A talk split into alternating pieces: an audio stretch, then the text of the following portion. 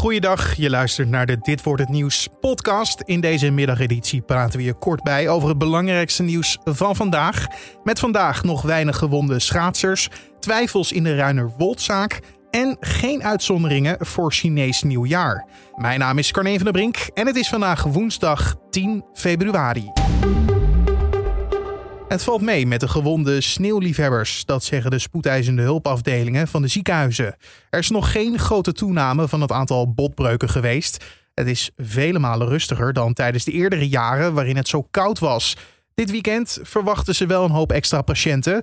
Daar zijn ze dan ook klaar voor. Het wordt namelijk het perfecte schaatsweer met waarschijnlijk goed ijs, maar blijf oppassen en schaats alleen op kleine grachtjes en ondiepe vijvers. De grote open plassen worden namelijk niet door ijsexperts gecheckt dit jaar. Er zijn twijfels of de hoofdverdachte in de Ruinerwoldzaak wel terecht kan staan. Dat zegt het Pieterbaancentrum na onderzoek. De vader, die zijn kinderen jarenlang zou hebben opgesloten in een boerderij, heeft een hersenbloeding gehad in 2016 en sindsdien begrijpt hij niet alle vragen meer. Naast vrijheidsberoving van zijn kinderen wordt hij ook verdacht van seksueel misbruik van zijn oudste zoon en dochter. Je hoort nu.nl-verslaggever Lisa van der Wal over wat dit zou betekenen voor de zaak. Nou, als de rechtbank het eens is met de deskundige in de conclusie dat hij de nuances van een rechtszaak tegen hem niet zal begrijpen, uh, dan zal de vervolging gewoon geschorst worden. En dat betekent eigenlijk in gewone mensentaal dat hij niet terecht zal staan, niet vervolgd zal worden voor de feiten waar hij van verdacht wordt. In maart beslist de rechtbank of hij terecht kan staan. Voor de viering van het Chinees nieuwjaar dat vrijdag begint, komt geen uitzondering op het advies om maximaal één gast per dag thuis te ontvangen. Volgens het Nationaal Kernteam Crisiscommunicatie is hier geen ruimte voor vanwege de vele besmettingen met het coronavirus en zijn mutaties. Ze benadrukken daarbij dat de situatie nu anders is dan eind december. Toen waren er nog maar weinig besmettingen met mutaties van het virus en konden de adviezen rondom feestdagen iets versoepeld worden. Ron Vlaar stopt per direct met voetballen. De 35-jarige verdediger van AZ heeft veel fysieke problemen en zet daarom gedwongen een punt achter zijn lange carrière. Bij NA Nieuws vertelde hij over deze beslissing. Ik realiseer me gewoon dat ik niet meer mijn lichaam hoef te kwellen of af te knijpen. Of hoe je dat ook uh, wilt zien. Maar kijk, dat is wel mijn definitie van topsport. Uh, dat kan nu van me afvallen. Die, die drang hoef ik niet meer te hebben. Dus dat geeft uh, enigszins ook wel een, ja, een ontspannen gevoel, moet ik eerlijk zeggen. Vlaar speelde 32 interlands voor het Nederlands elftal. En was jarenlang een belangrijke kracht bij AZ, Feyenoord, Aston Villa en vervolgens weer bij AZ. De massale productie van coronavaccins is onderschat door de Europese Commissie.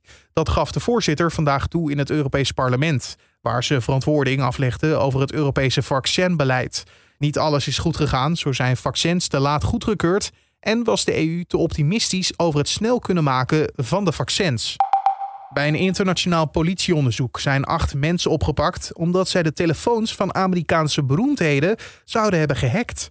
Ook zouden ze in totaal voor 100 miljoen dollar aan cryptomunten hebben gestolen.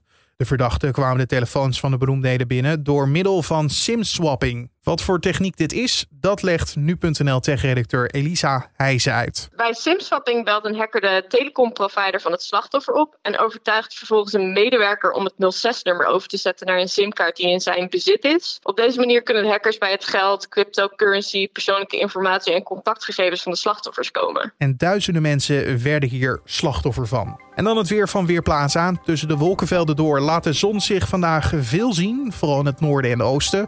De temperatuur ligt een beetje rond het vriespunt. En morgen ook weer veel zon en net zo koud als vandaag. En om af te sluiten nog even dit.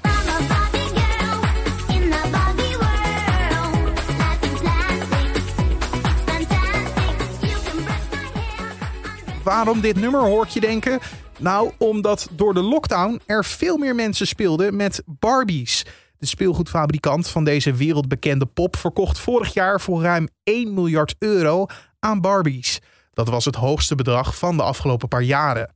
Barbies waren veel populairder dan bijvoorbeeld ander speelgoed van hen, zoals Thomas de Trein en Fisher Price. En dan zijn we alweer aan het einde gekomen van deze podcast voor de woensdag 10 februari. Je kan ons helpen de podcast nog beter te maken door een eh, feedback, vraag of suggestie mailtje te sturen naar ons mailadres podcast.nu.nl podcast.nu.nl en zet erin wat je goed vindt aan de podcast, wat je beter zou willen zien in de podcast eh, en hoe we dat beter kunnen doen dan. Eh, geef ons gewoon tips en we nemen dat echt van harte mee.